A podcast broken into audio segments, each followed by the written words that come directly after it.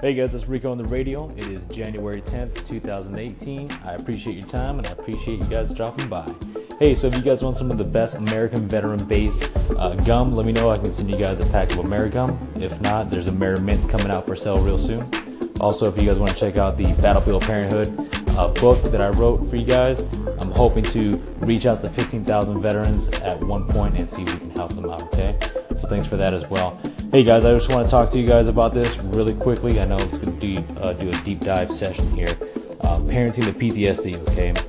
So I've seen recently, and this is becoming more and more of a trend, there's a pandemic amongst veterans, specifically with PTSD, uh, specifically in the veteran uh, family courts and now the civil and specifically in also the criminal courts as well. PTSD is now being leveraged and also a, an admittable evidence to the courts to allow them to use that as evidence to show mental instability and or a state of mind.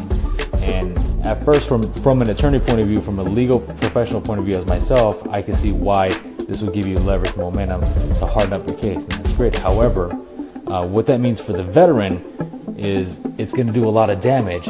So I'm not saying hide your uh, PTSD. I'm not saying put it away, but just be cognizant and careful of what you share, not only with your significant other, with your family, with your friends, and your therapist. Because at the end of the day, therapists are also mandated reporters.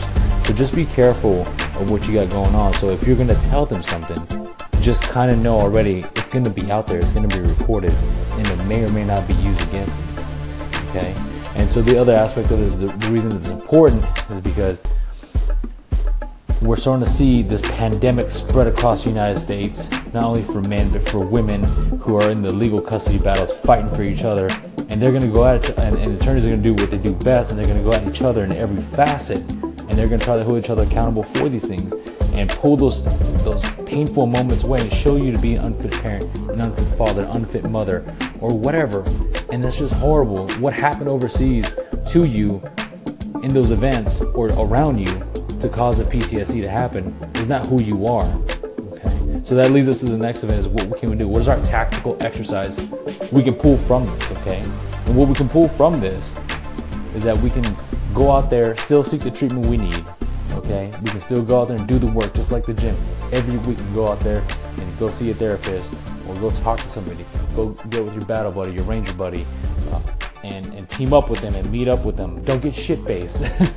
meet up for a cup of coffee and ice cream. Keep it ground roots approach to each other and keep yourself accountable. Much like working out, we have to put a lot forth more effort to get where we want. Okay? Stay away from the medication. Don't self medicate and actually meet your fears and confront your PTSD head on with the correct amount of treatment and high amounts of tenacity and velocity, okay? And you will be successful, I promise you, okay? Um, and then the other aspect is just keep on pushing forward and know that self care and self loving yourself is the best way and best remedy around this, okay? Because the way, if you're at the 100% of you, that means you could be 100% for your child and your family. And that's all they want.